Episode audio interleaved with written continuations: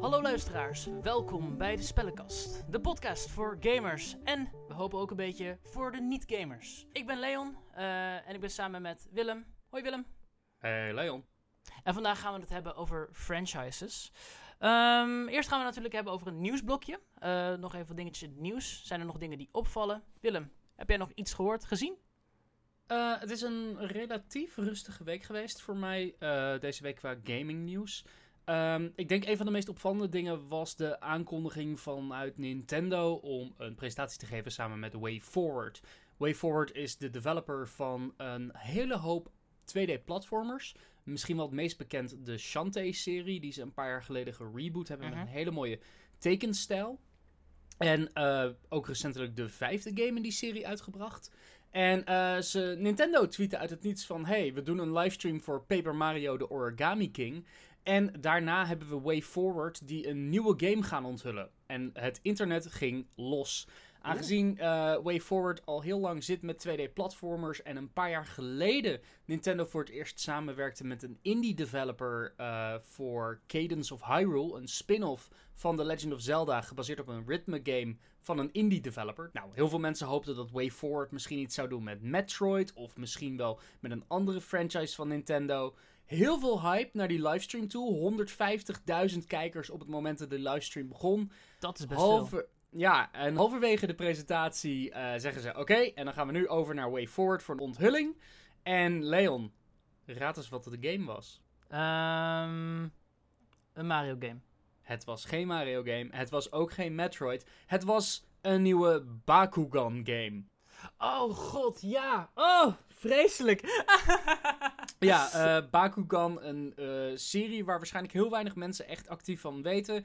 Kinderen hebben het wel heel veel gespeeld. Leon, jij hebt het eigenlijk volgens mij gespeeld als kind, als ik het goed heb. Nou ja, ik heb eh, zeg maar het daadwerkelijke spel heb ik wel gespeeld. En ik heb de daadwerkelijke Bakugans heb ik nog gespaard.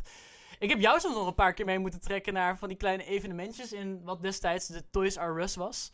Um, maar ja, uh, dat is inderdaad lang geleden voor mij. Ik denk ook niet meer dat ik ze heb. Nee, en de game zag er ook niet heel denderend uit, moet ik eerlijk zeggen. Nee. In ieder geval, na de aankondiging dropte de livestream hard uh, van 150.000 kijkers naar 50.000 kijkers. Dus uh, ja, dat was wel een beetje jammer voor veel kijkers die hoopten dat er meer aan zat te komen. Maar het was ook een beetje een misleidende tweet vanuit Nintendo. En nou, achteraf bleek, of leek het erop, dat de oude president van Nintendo of America, Reggie Fils-Aimé, Um, inmiddels uh, een hoge functie heeft bij het bedrijf wat Bakugan produceert. Dus misschien heeft hij wel achter de schermen. Klein voorwoordje meegegeven. Hey, push deze game even zo, uh, op, op, op zo'n manier. Ja, het, uh, het voelde wel heel erg toen dat naar buiten kwam van... Oh, oh, dat is wel...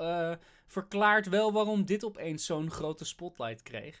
Enfin, uh, de game is aangekondigd en eigenlijk is het jammer... want Nintendo-fans wachten nog steeds met smart op nieuw nieuws. Want er zijn voor de rest van het jaar nog geen grote Nintendo-titels bekend. En die droogte gaan we nu in nu vandaag Paper Mario en de Origami King is uitgekomen... maar we geen games hebben voor de rest van het jaar vanuit Nintendo zelf. Dus ah. spanning wacht. Wat is de volgende aankondiging inderdaad? Ja, uh, de Ubisoft Forward presentatie die was ook van het weekend. En uh, natuurlijk hebben we die ook meegekeken. Uh, dit bleek wel, er waren aankondigingen, maar het bleek wel een teleurstelling. Er waren niet echt nieuwe dingen die werden aangekondigd. Naast Far Cry 6, waar we niet eens daadwerkelijk echt gameplay van hebben gezien. los daarvan las ik ook nog iets over servers die uh, uh, uh, um, nou ja, een beetje moeilijk deden de afgelopen tijd. Leon, volgens mij las jij niet over die servers. Volgens mij was jij een onderdeel van de falende servers. ja, maar dat was nog na die tijd. Ik geloof dat in games toch zeg maar dat er daar ook nog serverproblemen waren. Los daarvan kon je dus ook Watch Dogs 2 krijgen. Waar zat ik met smart op te wachten? Watch Dogs 2! Dus ik maar proberen tijdens die uh, uh, uh, presentatie mee te kijken.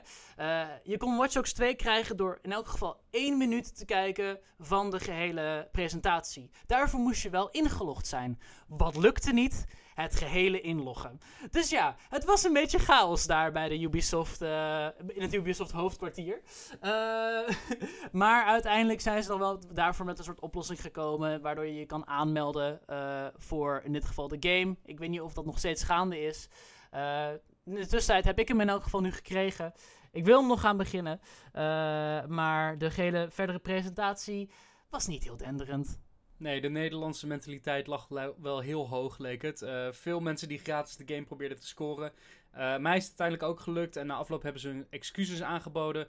Wel opvallend was dat de Ubisoft Forward geen aandacht besteedde voorafgaand aan het nieuws wat een paar weken eerder uit was gekomen. Dat veel van de hoge pieven binnen het bedrijf zijn uh, opgestapt of ontslagen vanwege seksuele mishandeling van andere werknemers. Ubisoft heeft er geen aandacht aan besteed, wat ik begrijp vanuit een marketingperspectief. Maar tegelijkertijd is het wel schokkend hoe erg snel Ubisoft dit in de doofpot probeert te stoppen. Aan de andere kant, wat wel mooi was, of geval dat, dat, dat, ik geloof dat jij dat ook vond, is dat uh, toen ze de nieuwe Assassin's Creed lieten zien, dat ze wel heel erg gefocust waren op het vrouwelijke personage. Ja, ja uh, we kregen heel veel gameplay te zien van de. Uh, voor de mensen die het niet weten, in Assassin's Creed Valhalla kun je kiezen of je als een mannelijke of een vrouwelijke Assassin's Creed uh, hoofdpersoon speelt. Allebei heten ze L4, E4. Um, het maakt geen verschil hoe je het speelt, behalve in dialoogopties over het algemeen. En ze gebruikten exclusief de vrouwelijke E4 voor de gameplay, wat heel fijn was. Want de marketing en de cover zal nog altijd de mannelijke hoofdpersoon op de voorkant doen. Want ja, Ubisoft blijft Ubisoft. Natuurlijk. Willem, had jij nog verder nieuw, uh, nieuwsdingetjes? Uh, nieuwsdingetjes voor deze week vallen wel mee. Xbox is druk bezig met de aankondiging voor hun Series X uh, presentatie. Die zal plaatsvinden op 23 juli om 6 uur. En daarin hebben ze aangekondigd dat ze vooral gaan focussen op nieuwe games die uitkomen voor de console later dit jaar en volgend jaar. Koppelend aan het nieuws is er ook bekendgemaakt dat Xbox de productie heeft stopgezet van de Xbox One S Digital Edition en de Xbox One X. Dat houdt in dat die consoles nu niet meer geproduceerd gaan worden in de fabrieken. Wat eigenlijk altijd wel gebeurt als een nieuwe console uh, klaar staat om gelanceerd te worden. Dan wil je niet meer nieuwe consoles van de oude console maken. Uh, je kan ze nog steeds overal kopen en ze zijn verkrijgbaar, maar weet dat over een paar jaar die consoles niet meer nieuw verkrijgbaar kunnen zijn. De standaard Xbox One is S is nog steeds wel te koop. Dus uh, schrik daar niet van. Je kan nog steeds de oude Xbox kopen. Je kan nog steeds je ouders laten verwarren dat ze de verkeerde console kopen. Dus maak je daar geen zorgen over. En er komt de presentatie aan als het goed is. Ja, dat zei ik net inderdaad. Oh, de presentatie voor de Series X. en die is op 23 juli om 6 uur. Dat is volgende week donderdag. Top. Uh, wat we gaan zien, we weten het niet precies. Uh, het zijn games vooral. En uh, we gaan gewoon meemaken hoe en wat. het kan van alles zijn. In ieder geval gameplaybeelden van de nieuwe Halo Infinite. En dat is voor veel mensen best wel spannend. Laatste korte nieuwtje. Xbox heeft aangekondigd dat ook xCloud en Xbox Game Pass één servers gaan worden vanaf september. We hadden het vorige week al heel kort over de Xbox Game Pass. Eigenlijk een abonnement waarmee je alle nieuwste games op PC en Xbox kan spelen. Een Netflix dingetje. ja, precies. En xCloud is hun streaming service. En wat betekent dat? Dat betekent dat als jij een apparaat hebt wat games kan spelen, wat draaien, of dat een Xbox is of een PC, dan kan je die streamen naar elk mobiel apparaat wat er is. En daar hebben ze nu al uitgebreid mee getest in beta. Maar het gaat nu echt lanceren en ook samen met Xbox Game Pass. Wat betekent dat je eigenlijk op elk apparaat wat je maar kan voorstellen... Uh, alle games kan spelen die een Xbox kan spelen. En dat is best bijzonder. Of het succesvol gaat zijn, dat is een tweede. Uh, maar het lijkt erop dat daardoor games steeds toegankelijker worden voor mensen die ook niet al het geld kunnen investeren in één service. En ook die portabiliteit willen wat consoles als de Nintendo Switch wel hebben. Nice. Nou ja, ik denk dat dat het dan voor nu wel even is qua game nieuwtjes. Dan wil ik het toch nog heel even gaan hebben over onze eigen nieuwtjes. Uh, Willem, we zijn nu ongeveer een week verder uh, sinds de eerste aflevering van deze podcast. Hoe heb jij je week ervaren?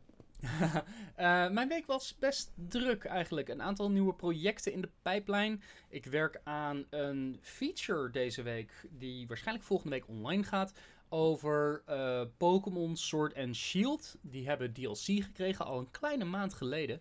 Um, eigenlijk aanvullende content die zich afspeelt op een heel nieuw eiland, de Isle of Armor. En uh, ik schrijf een feature die zich bezighoudt met waar de Isle of Armor precies op gebaseerd is. En wat ideeën zijn voor eh, de toekomst. En wat het ons Mhm. vertelt over de DLC en hoe Pokémon, de Pokémon Company en Game Freak die game en DLC hebben ontwikkeld. Eh, ik heb daarvoor gesproken met een aantal mensen, dus het was best wel interessant. En eh, ik denk dat daar wel een leuk stuk uit rolt. Ik zal er meer over vertellen als het daadwerkelijk online is volgende week. Ah, en leuk. verder in mijn gewone leven gaat het best wel goed. Ik heb, eh, ik heb veel gewandeld. Ik heb veel gefietst. Ik ben zwaar actief geweest deze week. Sollicitatiegesprekken gaan door. Dus ja, we blijven afwachten en kijken wat er gebeurt. Heb jij ook nog de komeet Neowise voorbij zien vliegen? Jazeker, wij wonen op relatief hoog. 13e verdieping, 11e Ja. verdieping, sorry. Eh, dus dat is eh, redelijk goed uitzicht. En we hebben hem eh, op de maandag al heel duidelijk kunnen zien aan de hemel. Mhm. Dus ja, dat is wel bijzonder. Jij was er apart voor naar buiten gegaan, als ik het goed heb. Ik ben uite- uiteindelijk ben ik nog apart voor naar buiten gegaan op een scooter. Het was echt twee uur s'avonds. En toen ben ik nog ben ik op zoek gegaan naar een veldje om hem nog even te zien. Eh, en ik heb hem uiteindelijk nog wel gevonden. Op een kleine, wel, wel, wel een afstand natuurlijk. Maar ehm, eh, eh, het, was, het was mooi. Het was, was goed te zien. Een beetje licht, waardoor, het, waardoor de streep misschien iets minder mooi was. Ehm, maar, maar ja, eh, voor de komende 6000 jaar zometeen is hij niet meer te zien. dat vind ik op zich wel een gekke gedachte. Maar ja, dat is natuurlijk de, het, het universum ook wel een beetje. Het is een gekke plek. Eh, los daarvan, los van Neowise, ehm, ja, mijn week. Ik heb eh, eigenlijk wel een beetje in de gaten gehouden k- om te kijken ook wat, natuurlijk wat mensen vinden van, van de podcast. De eerste aflevering die we voorbij zien komen. Er zijn best wel positieve reacties. Eh, maar we moeten natuurlijk kijken hoe ver we dit kunnen uitbreiden. En eh, eventueel misschien zelfs dat we ergens eh, gasten kunnen gaan toevoegen. Ehm, nou ja, ik ben in de tussentijd ben ik ook bezig gegaan met wat, wat eigen dingetjes. Ik heb, doe wat, wat Photoshop workshops op dit moment.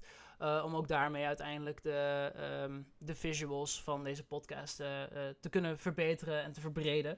En eigenlijk ook wel met alle andere ehm, Adobe-programma's. Verder gewoon lekker gamen. Daar kom ik zo meteen nog op terug over wat we hebben gespeeld. En dan zal ik daar het, wat, wat meer over gaan hebben. Ja, Ehm, en nou ja, eh, voordat, we, eh, voordat we doorgaan. We dachten aanvankelijk niet eh, vorige keer toen we opnamen dat de podcast daadwerkelijk het zou redden op Spotify. Maar hey, we zijn nu te vinden op Spotify en YouTube. Dus volg ons op YouTube door te abonneren. Dat kan hier beneden als je op YouTube kijkt. Of volg ons op Spotify door te klikken op de grote volgknop. En als je vragen hebt, stuur ze naar, en ik ga hem dit keer goed zetten, de spellenkastpodcast.gmail.com. Voor al je vragen, opmerkingen of hey, als je gewoon wil meedoen met de show. Hartstikke leuk. En we zoeken zeker naar gasten, dus eh, laat van je horen. Zijn er trouwens nog vragen binnengekomen of iets dergelijks? Ik ga nog even snel spieken in, eh, in de downtime. Dan Mhm. eh, ga ik jou in ieder geval het lijntje geven voor het hoofdonderwerp. Want we hadden het al deze week over inderdaad iets wat in de 6000 jaar voorbij komt. Iets wat je nooit meer terugvindt. En dat kan ook een franchise zijn. Want ja, sommige franchises gaan gewoonweg niet dood. En die zien we over 6000 jaar nog steeds. En over het algemeen zijn wij eh, heel erg opgevoed en opgegroeid met verschillende franchises. Ook in gaming. En eh, dat leek mij een leuk onderwerp om het vandaag over te hebben. Want er zijn gewoon mediawerelden die ouder zullen worden dan wij. En dat is best wel een raar perspectief. Ja. En hoe kan dat eigenlijk? Dat is best wel gek. Ik denk dat je dan vooral moet denken, hè, om het even makkelijk te zeggen, aan de, bijvoorbeeld de Mario franchise. Eh, de, die Nintendo franchise. Die, dat Mario, dat is zo'n zo'n gezicht geworden eigenlijk ook wel van, van, de, van de company. Eh, die blijven ze terug laten komen. Gewoon omdat het zo, zo aanvangt eigenlijk bij het publiek. Ehm, nou ja, wij hebben in dit geval al wel ons hele leven Mario gespeeld. Dat begon al met de Gamecube. eh, toen, toen we daar nog bespeelden met, met Double Dash bijvoorbeeld. Mario Kart, dat is ook gewoon zo wat als een eigen franchise geworden. Eh, je, ziet het nog steeds voorbij komen. Hoe- hoeveel games zijn er eigenlijk wel niet van op dit moment? Dat is acht al? Negen? Eh, het hangt er vanaf hoe je rekent. Mario Kart specifiek zit echt op eh 9. Eh, maar dat is eigenlijk 10 als we de mobile game meetellen, Mario Kart Mhm. Tour. Wat Nintendo wel lijkt te doen. Dus ik denk dat we op de tiende Mario Kart inmiddels al zitten. Wauw. Ja, dat is best wel interessant. En zeker als je bedenkt dat het een spin-off is van een platform game. En dat ze eigenlijk Mario veelal als Mickey Mouse en Donald Duck en andere bekende mediapersonages altijd een andere hoed kunnen geven. Mario is van oorsprong in de mythologie van Nintendo een loodgieter. Maar nee hoor, Mario kan ook auto's racen. Mario is ook tennisscheidsrechter. Mario heeft praktisch elke baan die je ooit kan bedenken wel gehad. En dat maakt het best interessant voor Wat kan Mario niet? Ja, precies. Wat kan Mario niet? En ik denk dat Nintendo dat ook. En ik denk dat Nintendo dat ook als een soort uitnodiging altijd heeft gebruikt om te kunnen experimenteren met hun franchise. We hebben Paper Mario uh, voor de RPG's, voor de role-playing games, voor lange verhalende en ook een beetje humoristische games. We hebben de platformers die de meeste mensen zullen gespeeld hebben om uh, Mario als actieheld neer te zetten. Mhm. Dan zijn er ook de 3D-platformers, die bedoeld zijn als een soort verzamelwoede voor spelers om zoveel mogelijk sterren binnen te halen en uh, te verloren te gaan in verschillende werelden. En Mario is heel versatile opgezet en daar maken ze optimaal gebruik van binnen de franchise zelf. Ja, nou ben ik zelf nooit opgegroeid met de, de N64 Mario. Ik heb dit eigenlijk wel nog gespeeld later, maar dat was echt later. Ik denk als ik echt terugdenk aan een, een Mario, Mario game waar ik echt echt heel veel tijd in heb uh, in, uh, geïnvesteerd heb, dan denk ik dat ik wel uh, kom bij Mario Galaxy. Toen, toen wij voor het eerst een Wii kregen. En dat was ook wel de eerste game die ik op dat moment speelde. Daar heb ik zoveel tijd in zitten en dat was ook zo'n nieuwe wereld. Mario, de, de ruimteheld. het is zo gek. Hij heeft alles gedaan en dan ineens komen ze hiermee. en dat vind ik eigenlijk ook wel mooi natuurlijk. Als je zo'n franchise zo kan laten doorevalueren, dat het ook vernieuwend kan zijn. Ook al gebruik je hetzelfde gezicht. En dat is ook op zich ook wel wat een franchise inhoudt, toch? Dat je in elk geval probeert te vernieuwen met wat je al hebt. Ja, en ik denk dat Mario zich specifiek daar heel goed voor leent binnen gaming. Kijk, Mario heeft een hele bijzondere historie ten opzichte van veel andere franchises. Veel mascottes en platformers zijn neergezet als het gezicht van een bedrijf, omdat ze zo gemarket zijn. Kijk naar een tegenpol van Mario, Sonic specifiek ontworpen om een concurrent te zijn van Mario in de originele dagen van de Sega.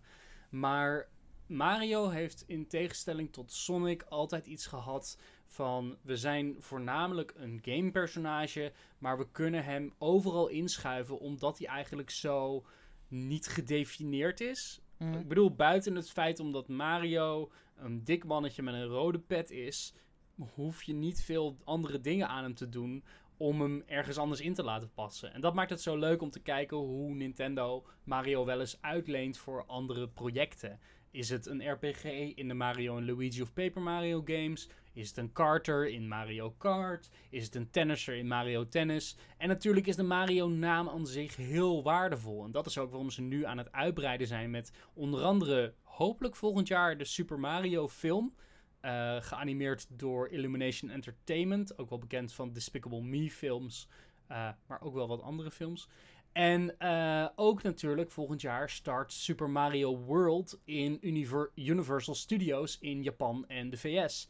En dat wordt een heel pretparkland gebaseerd rondom Super Mario. Dus die variatie en mogelijkheden om Mario overal voor te gebruiken is eigenlijk dus geheime kracht achter die branding en achter het feit dat als jij met mensen praat, dat iedereen een ander idee heeft over hoe Mario zou moeten spelen of wie Mario is. Ja. Uh, nou zien we dat Mario dus in dit geval best wel veel gebruikt wordt. Een andere kant uh, is misschien ook wel de mysterie binnen een franchise. Uh, ik wil dan, ik denk als voorbeeld kan ik misschien wel GTA nemen. GTA is een game die, die komt echt één keer in de zeven jaar uit, zoiets.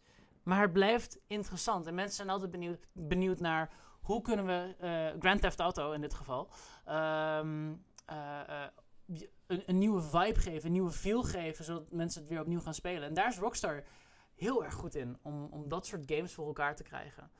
Um, Ik denk dat in Rockstars voordeel voor Grand Theft Auto is dat ze vanaf het begin GTA altijd als een evenement hebben neergezet. Weet je, je krijgt niet om de twee jaar een nieuwe GTA of een nieuwe nee. Rockstar game. Rockstar games zijn happenings. Als daar iets gebeurt, zie je de top van de industrie met alle werkcondities van dien, waarbij de werknemers daadwerkelijk keihard gepusht en onderbetaald en gecrunched worden om alles eruit te halen wat ze doen. Uh, dat is altijd belangrijk om te zeggen bij Rockstar. Dit gebeurt niet uit het niets. Het is niet omdat ze zeven jaar de tijd nemen om een game te maken. Nee, het is omdat ze hun werknemers keihard door de modder laten trekken om te zorgen dat er iets moois uitkomt.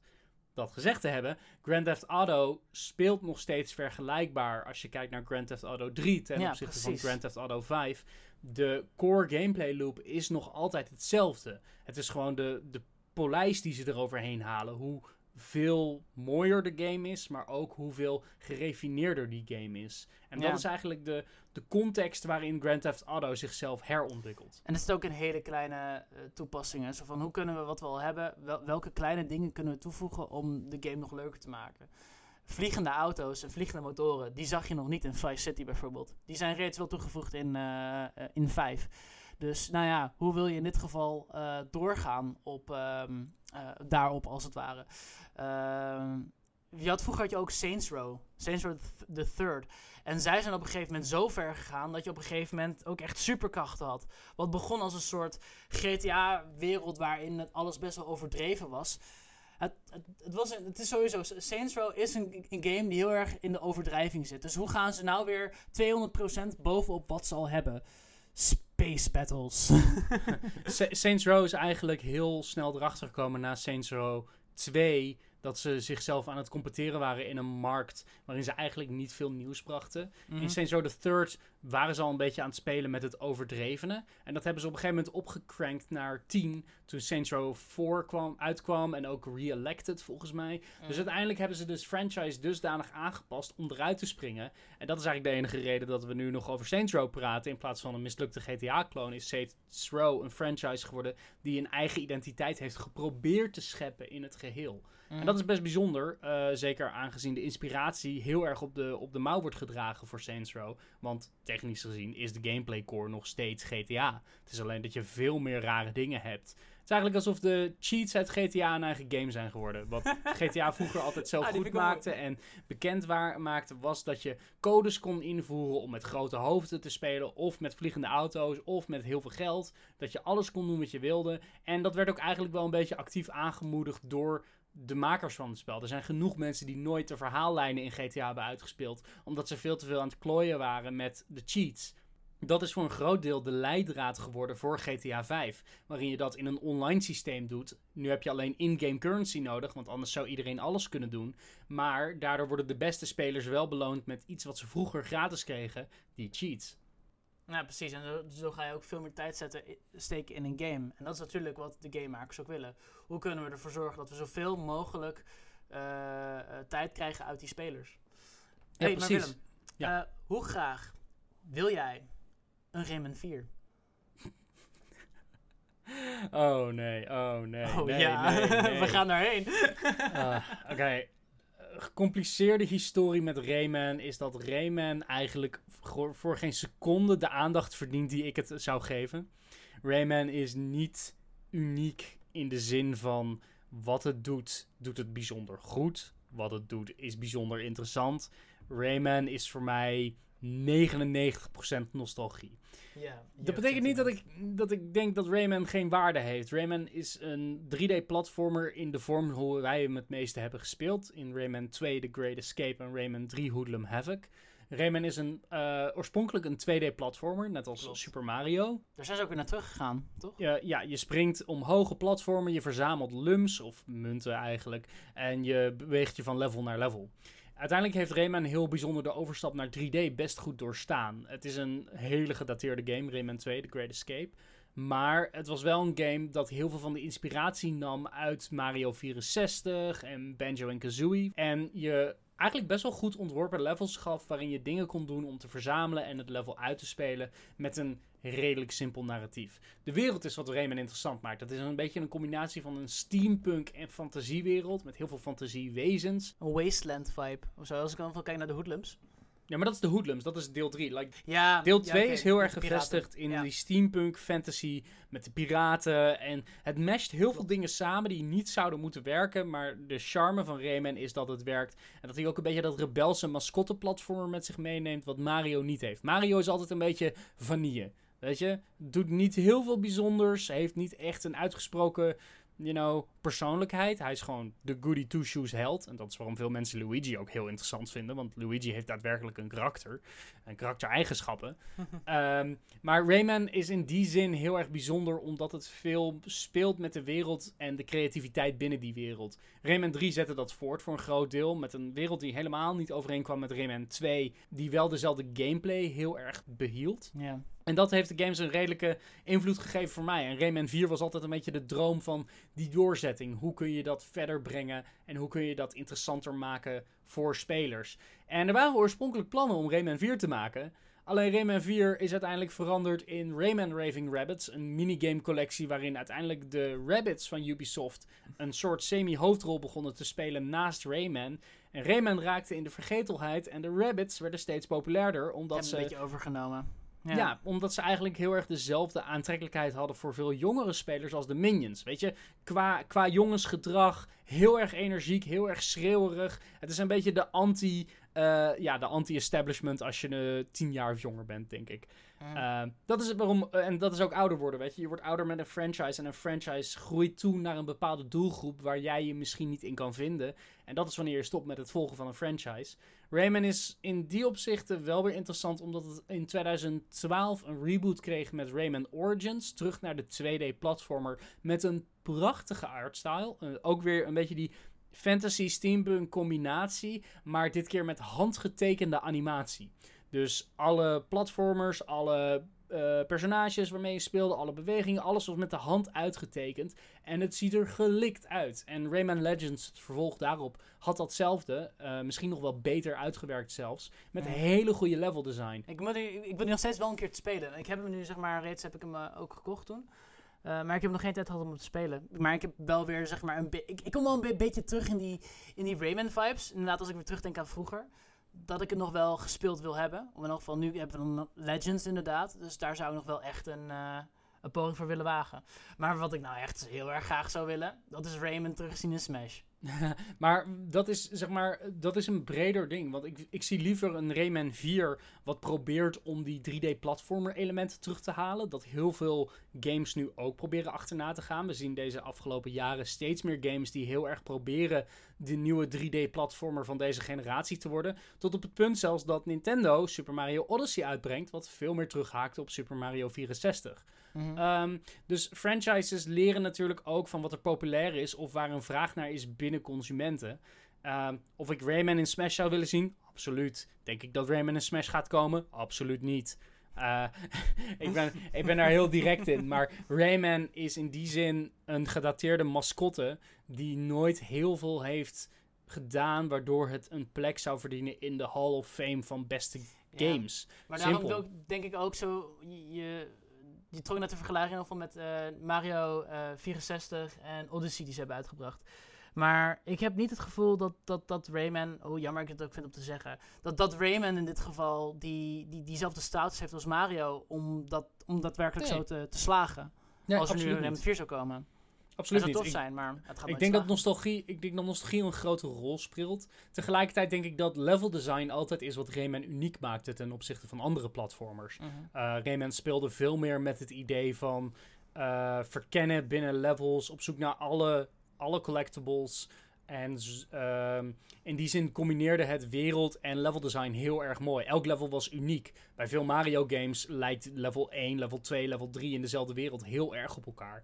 Bij Rayman kun je dat bijna niet zeggen. Elk level heeft iets unieks waardoor het eruit springt. En ik zou dat wel willen zien. Zeg maar Ja. dat, dat idee terugpakken, herpakken en dan in een 3D vormpje gieten. Ja, dat zou voor mij de droom zijn. Maar ik weet ook dat Ubisoft daar niet meer geïnteresseerd in is. Voor Rayman, we gaan zien wat er gaat gebeuren met Rayman. Eh, we kunnen nog even verder kijken. Eh, jij hebt ook heel veel Zelda gespeeld. En als iets een franchise is, dan is het wel The Legend of Zelda. Speel je nou al Zelda? Ik, eh, ik speel nog steeds Zelda. Eh, Zelda is waarschijnlijk mijn favoriete game franchise serie aller tijden. Ehm, het is lastig om te bepalen waar Zelda valt in de zin van franchise. Omdat Zelda altijd een serie is geweest die vanuit een heel specifiek idee is vertrokken. 1400 omwegen heeft gemaakt en altijd op een vergelijkbaar en herkenbaar punt terechtkomt. Maar toch met een hele eigen stijl en eh, twist. En ik denk dat dat ook een beetje weer die Nintendo, die Nintendo trucerie is. Van ze gebruiken hun eigen kruiden om hun mengseltje op te spicen. Als ik het zo mag zeggen. Maar Zelda 1 lijkt in de verste verte niet op Ocarina of Time. Ocarina of Time is de eerste 3D Zelda, oorspronkelijk uitgekomen voor de N64. Maar dat haalt veel meer inspiratie uit de Super Nintendo Zelda, de Zelda A Link to the Past. En ik denk dat die games heel erg een vergelijkbaar idee hebben. Je bent de held in een fantasie-avonturenverhaal. Je zoekt binnen kerkers naar sleutels, verslaat bazen en uiteindelijk bouw je je weg op met een groot arsenaal aan tools en wapens om puzzels op te lossen en uiteindelijk een eindbaas te verslaan. Mhm. Dat is Zelda in een notendop. Maar qua franchise, is het misschien niet het verhaal binnen Zelda wat het zo in leven houdt? Dat we erachter willen komen eh, eh, welke kant het daadwerkelijke verhaal als daarop gaat. Omdat er ook een hele. Er is natuurlijk ook een hele tijdlijn en dergelijke. Ja, het, het probleem met Zelda in die zin is dat Zelda-games nooit stil hebben gestaan bij een overkoepelend verhaal. Zelda zijn verhalen die op zichzelf staan. Mhm. En de losse narratieven binnen games zijn best sterk. Voor Nintendo-standaard heeft Zelda meer achterliggende verhaallijnen en lore, zo gezegd, dan andere games eh, binnen Nintendo's repertoire. Tegelijkertijd is dat niet de reden dat ik Zelda speel. Het is natuurlijk leuk om referenties te zien naar andere Zelda-games in nieuwe games of in oude games. Maar dat is niet wat mij drijft om die games te spelen. Wat mij drijft is de gameplay hoek. Juist Ja. het vinden van objecten, het oplossen van puzzels en dat gebruiken met een sterk combat systeem. En dat, dat maakt dat sommige Zelda-games veel beter vallen dan andere. Weet je, voor sommige mensen is de Wind Waker de beste Zelda. Voor andere mensen is het de Majora's Mask, omdat dat een hele eigen stijl heeft. Voor andere mensen is het nu Breath of the Wild, omdat Breath of the Wild een open wereld is die daadwerkelijk uitnodigt om verkend te worden. Franchises kunnen leren en adapteren van elkaar. En ik denk dat Breath of the Wild interessant is in de zin van dat het heel erg duidelijk terug is gegaan naar wat maakte de originele Zelda op de Nintendo Entertainment System in 1987 zo bijzonder. Namelijk, Ja. je verkent een wereld waar je geen kaart hebt. Je zoekt zelf je pad en daaruit bouw je je eigen verhaal op. En ik denk dat dat heel veel mensen aansprak toen Breath of the Wild uitkwam. Van, wow, deze wereld zegt mij niet waar ik heen moet. Ik kan doen wat ik wil binnen deze regels. En als ik naar de eindbaas van het spel wil gaan in 10 minuten, dan kan ik dat proberen en maak ik misschien nog wel een kans. En dat is ook Ja. heel leuk om te zien. Maar dat, dat vind ik dan ook op zich wel weer lachen. Dat, eh, dat, dat, dat ze dan weer iets anders proberen te doen. Ik krijg er daardoor een, een, echt een Elder Scrolls vibe van, zeg maar. Toen ik voor het eerst Skyrim speelde. Dat je ook niet precies wist welke kant je op moest. En dat je dan eh, inderdaad eh, zelf maar gaat rondkijken. En je gaat maar een kant op. En dan zie je wat er gebeurt. En het- Breath of the Wild, die sluit daar dan heel erg goed op aan of zo. Dat je dan elke kant, maakt niet uit welke kant je opgaat. Het is heel erg... eh, je, je kan erheen, je mag erheen. En dat vind ik op zich wel erg fijn. Dat vind ik wel grappig dat je dat zegt. Want eh, jij hebt nooit de eerdere Elder Scrolls gespeeld voor Skyrim, als ik het goed heb, toch? Ik heb, eh, ik, ik heb Oblivion heb ik deels gespeeld. Ik heb Oblivion voor de helft gespeeld. Maar na Skyrim of voor Skyrim? Na Skyrim. Dus jij had nog geen context voor die franchise toen jij begon aan het vijfde deel in de franchise. Nee, En dat is, ik... dat is wel wat ik denk bij de Elder Scrolls, is dat de Elder Scrolls ook echt losstaande game op losstaande game doet. Mhm. Omdat het eh, eigen ideeën wil uitzoeken. Want Oblivion sluit niet echt aan op de designfilosofie achter Skyrim, toch? Ik bedoel, jij hebt Oblivion voor de helft gespeeld. Ja, nee, dat, kon- dat klopt op zich wel. De- ik bedoel, de- wereld is wel open, maar eh, eh, ik, je kan niet echt elke kant op gaan. Ja, het, het kan wel, maar succes. Ja, en Skyrim's design is veel meer gekoppeld aan vrijheid. Maar tegelijkertijd denk ik dat Skyrim ook veel lineairder is dan Zelda. Skyrim zit je in een opening van een uur voordat je zelf op pad Mhm. kan gaan. En als jij naar de eindbaas wil, naar de laatste grote vijand, dan moet je wel eerst al die story quests doen.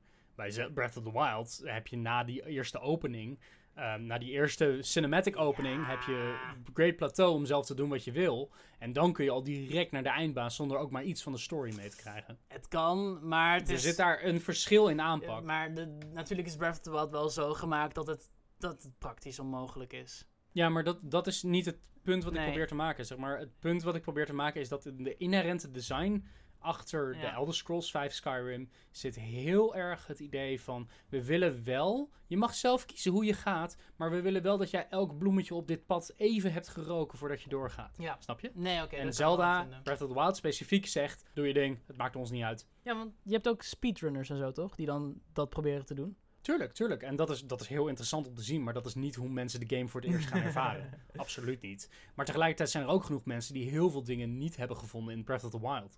Er kwam een paar jaar geleden voor het eerst mensen die zeiden van... Wacht, er zit een dorpje in het zuiden aan de zee met heel andere mensen. Waarom heb ik dat nooit gevonden? Weet je, dus er zijn ook spelers die, die op een hele andere manier zo'n spel doorspelen. En ik heb mijn eigen persoonlijke issues met Zelda. Ik denk dat binnen de context van Zelda als franchise... Breath of the Wild er heel erg raar uitsteekt. Waar de andere Zelda-games heel erg zijn gemaakt op een coherent narratief. Waarin ontdekking onderdeel is van het proces, maar niet het volledige proces.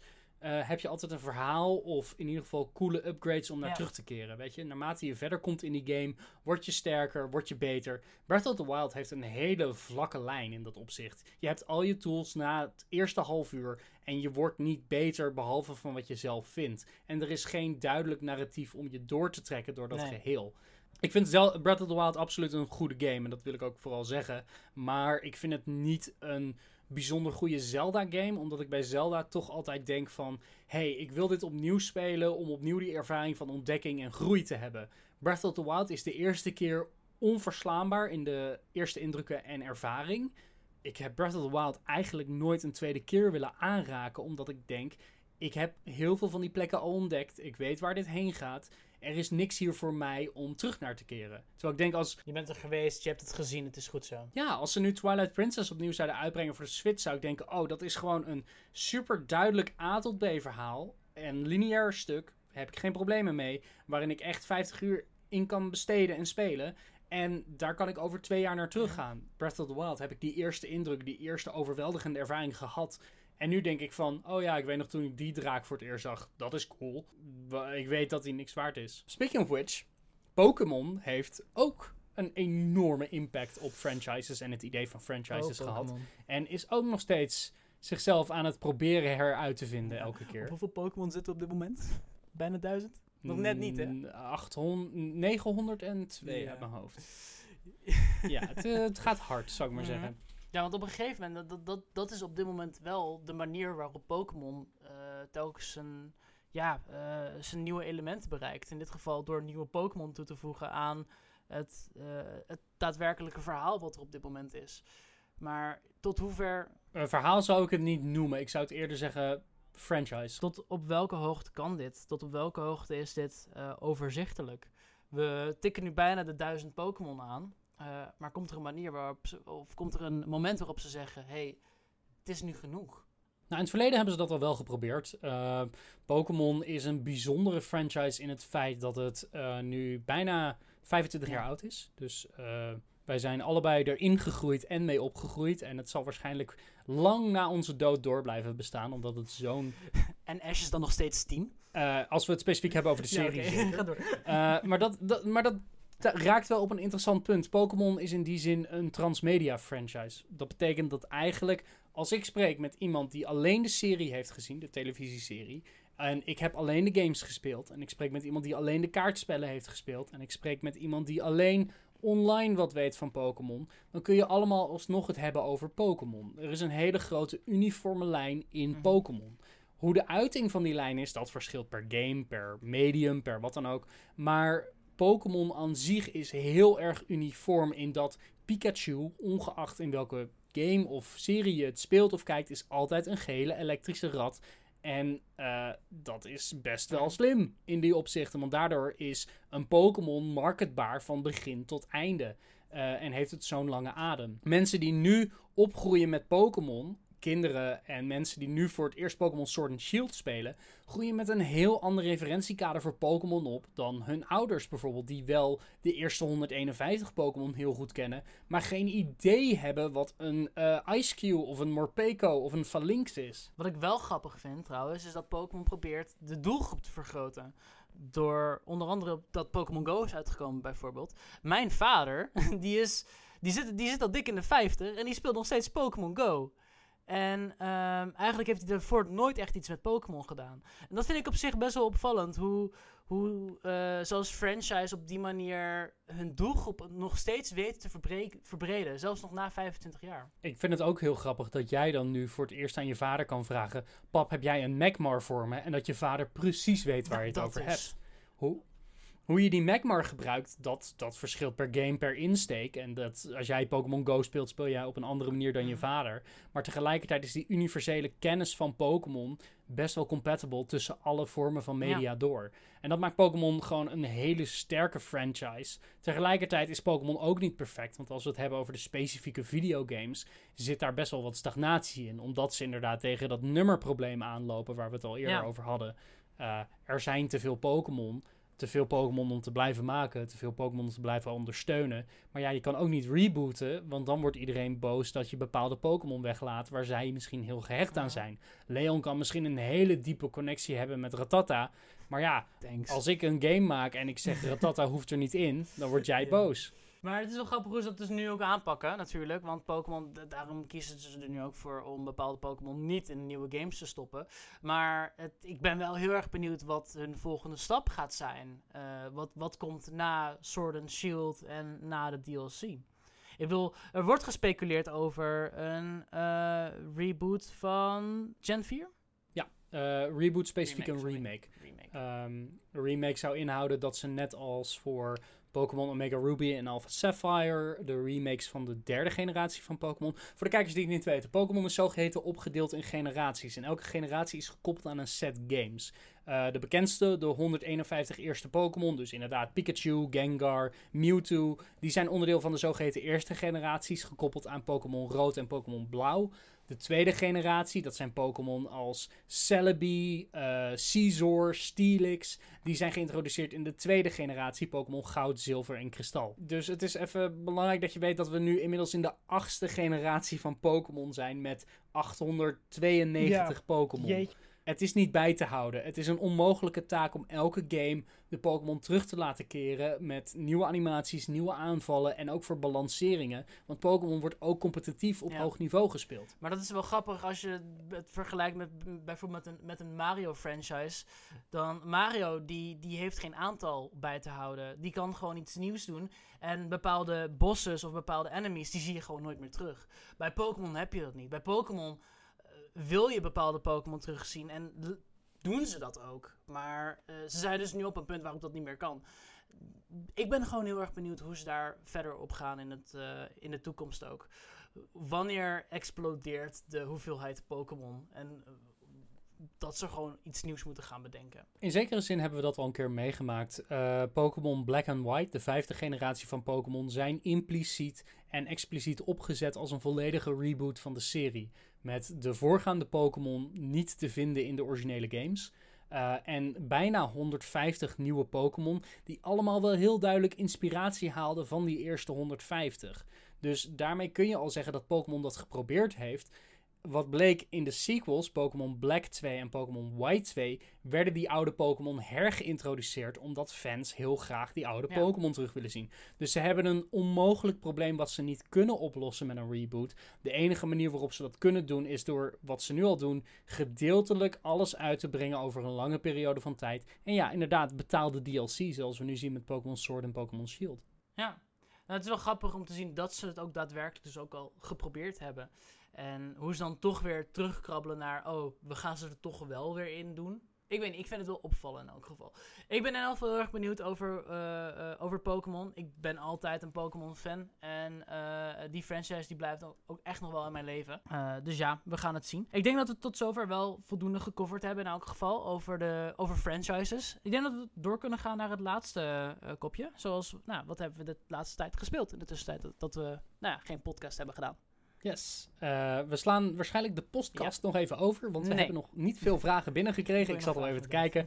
Eh, mocht je ons vragen willen stellen die we daadwerkelijk in onze opname eh, beantwoorden, hartstikke leuk. Stuur een mailtje naar de spellenkastpodcast.gmail.com of laat een reactie achter op YouTube of ja, twitter ons, bericht ons. We zijn overal wel te vinden. Leon, wat heb jij zoal gespeeld deze nou, week? wat heb ik allemaal gespeeld deze week? Ik eh, heb sowieso heb ik een beginnetje gemaakt aan eh, Batman Arkham eh, Knight. Yes, Yes. eindelijk. ik, eh, ik heb hem al een tijdje staan en ik denk nu is het eindelijk tijd. Het is ook zomervakantie en ik wil even wat nieuws weer spelen. Dus ja, ik, eh, ik ben daaraan begonnen. Ik merk wel dat de game vrij car heavy is op dit moment. Dus dat je heel erg op je Batmobile Mhm. gefocust bent en dat je daar allemaal dingetjes mee moet doen. En als je er meestal niet uitkomt, dan is meestal de Batmobile de oplossing. Ehm, het is wel grappig hoeveel je moet zoeken in de game. Eh, ik, dat, dat, het wordt niet expliciet uitgelegd wat je precies moet doen. Dus soms dan, dan loop ik een heel gebouw rond om te kijken waar zit nou die ene knop zodat ik hier uit kan komen. Eh, maar eh, het is, ehm, ja, ik, ik, ik geniet ervan op dit moment. En verder, Waar ben je nu ongeveer in het verhaal? ik ben nog niet heel erg ver. Ik denk dat ik op, op zo'n 10% zit op dit moment van het daadwerkelijke verhaal. Ben op zoek naar... Eh, hou, me, hou ons maar op de hoogte, want Batman Arkham Knight heeft een best wel interessante hoek. En ja, de car-heavy aspecten zijn best wel ehm, aanwezig, zou ik maar zeggen. Ehm, vond ik ook een beetje een tegenvaller, maar over het algemeen de combat in die game is zo fijn. Zo goed. Even kijken hoor. En verder, ehm, even kijken, ik had nog een game gespeeld. En dat is. Het was een Riot game. Het is een nieuwe Riot game en het heeft een beetje. Valor Valorant, Valorant. dankjewel. Heel erg fijn. Nee, Valorant heb ik gespeeld. Eh, daar ben ik, ben ik begonnen met een, eh, met een maatje van me. En eh, we zijn even gaan kijken wat de game verder inhoudt. Het is heel grappig hoe zij ehm, het CSGO-aspect combineren met het Overwatch-aspect. Oké, je moet even aan mij toelichten. Ik heb Valorant alleen horen zeggen. Ik heb niks gezien van de Ja. game. Kun je het wat beter Dat wilde ik toelichten? net gaan doen, inderdaad. Ehm, Valorant is eigenlijk een, eh, eh, een soort eh, shooter. In dit geval eh, multiplayer shooter. Je, bent, je zit in een groep van vijf man ongeveer. En je probeert in dit geval een groep van andere vijf man uit te schakelen. En dit duurt zo'n. Ehm, ja, een aantal rondes. De eerste die 13 rondes gewonnen heeft, en iedereen heeft uitgeschakeld, die, die is uiteindelijk de winnaar. Eh, een beetje CSGO-aspect als het ware. Counter-Strike. eh, voor de mensen die die afkorting niet kennen. En, ehm, eh, je merkt heel erg dat Valorant in dit geval ehm, dat heeft. Het, het is heel erg Counter-Strike gefocust. Maar het heeft een Overwatch feeling. Valorant is eigenlijk wat ik wilde dat Overwatch was. En, en wat dan specifiek? Omdat het, het is nog steeds team Het is steeds team gebaseerd, maar je hebt eh, keuzes uit eh, dezelfde wapens, als het ware, die de tegenstanders ook hebben. En ehm, in Overwatch heb je dat niet. In Overwatch kies je een personage die heeft specifieke wapens, specifieke abilities en daar moet je mee doen. Waarin bepaalde eh, personages dus veel overpowered zijn dan andere personages. En ehm, eh, op deze manier b- zie je ook in CSGO. Je hebt mensen die eh, liever sniper gaan. Je hebt mensen die liever met de SMG's gaan. Of eh, eh, pistol heavy. Eh, en dat vind ik heel erg fijn aan Valorant. Want daardoor krijg ik en het, eh, het tactische gevoel wat meer. En het eh, spam je ults en laten we maar kijken wat er ge- gebeurt gevoel. Interessant. Ik vind het heel erg fijn en, en je speelt het dus nu met maten samen. Uh, Hoe is die teamervaring? Want ik merkte dat dat mijn Overwatch op een gegeven moment stopte met spelen. Mhm. Nou ja, sowieso. ehm, eh, eh, eh, de game is wel zo dusdanig gemaakt dat je, als je bijvoorbeeld Counter-Strike hebt gespeeld, dezelfde termen kan gebruiken. Ehm, nou ja, we hebben dus, ik heb nu met eh, twee andere mensen heb ik, heb ik samen gespeeld. En dat, dat voelde heel erg fijn. Op, op, op die manier zeg maar te communiceren waar je zat, eh, waar je enemies zag. En eh, ehm, nou ja, welke wapens je zou kopen. Of dat je Echo zou gaan. Wat inhoudt dat je geen wapens koopt die ronde. Dat je geld opspaart. Ehm, en op die manier kun je gewoon veel beter ehm, een soort ja, communiceren hoe je te werk wil gaan. En het voelt heel erg fijn. Ik vind het heel erg lekker wegspelen. Nice. En 13 rondes klinkt best veel. Hoe lang is een ronde? Dat Ja, moet je, moet wel, je moet je wel voorstellen, het- is wel een game van Riot. En Riot probeert altijd wel de games een beetje, net zoals League of Legends, lang te maken. Je bent zo 40 minuten bezig in League of Legends. Zo ben je ook wel 40 minuten kwijt in eh, een pot Valorant. Maar ja, als je de eerste 13 rondes al wint, nou ja, dan is het natuurlijk sneller dan dat beide teams 12 keer gewonnen hebben. Nou ja, en dan is het sudden death. Wie, eh, wie, de eerste, nou, wie de eerste volgende pot wint, die wint. Het kan zo 30 minuten duren, maar het kan ook zo een uur duren. Oké, interessant. Dus dat. Ik, ik heb er niet veel aan toe te Nee. voegen. Ik heb er veel over gehoord. Het is niet iets wat mij persoonlijk interesseert. Maar dat komt ook omdat ik heel erg ben afgestapt van de multiplayer Snap games. Wat, eh, wat heb jij verder gespeeld deze week? Deze week heb ik mij verdiept in ehm Carry On. Ik kan er nog niet te veel over zeggen, omdat ik een recensie schrijf over deze game. Maar wat je je moet voorstellen, in tegenstelling tot veel games waarin je speelt als een superheld of als iemand die iets uithoudt, is dit een horror game waarin jij speelt als het monster. Je speelt als letterlijk iets wat gebaseerd is op The Thing uit John Oh. Carpenter's film. En eh, je bent een tentakelwezen en kan mensen opeten en probeert uit een laboratorium te breken. Het is een heel erg eh, interessant concept voor een spel. Ehm recensie volgt ergens volgende week. Dus eh houd in de gaten, zou Is ik het, zeggen. eh, Ik wil er wel meer over ingaan als ik, eh, als ik er wat meer Ja. over kan zeggen. Klinkt wel interessant. Is het 2D of 3D?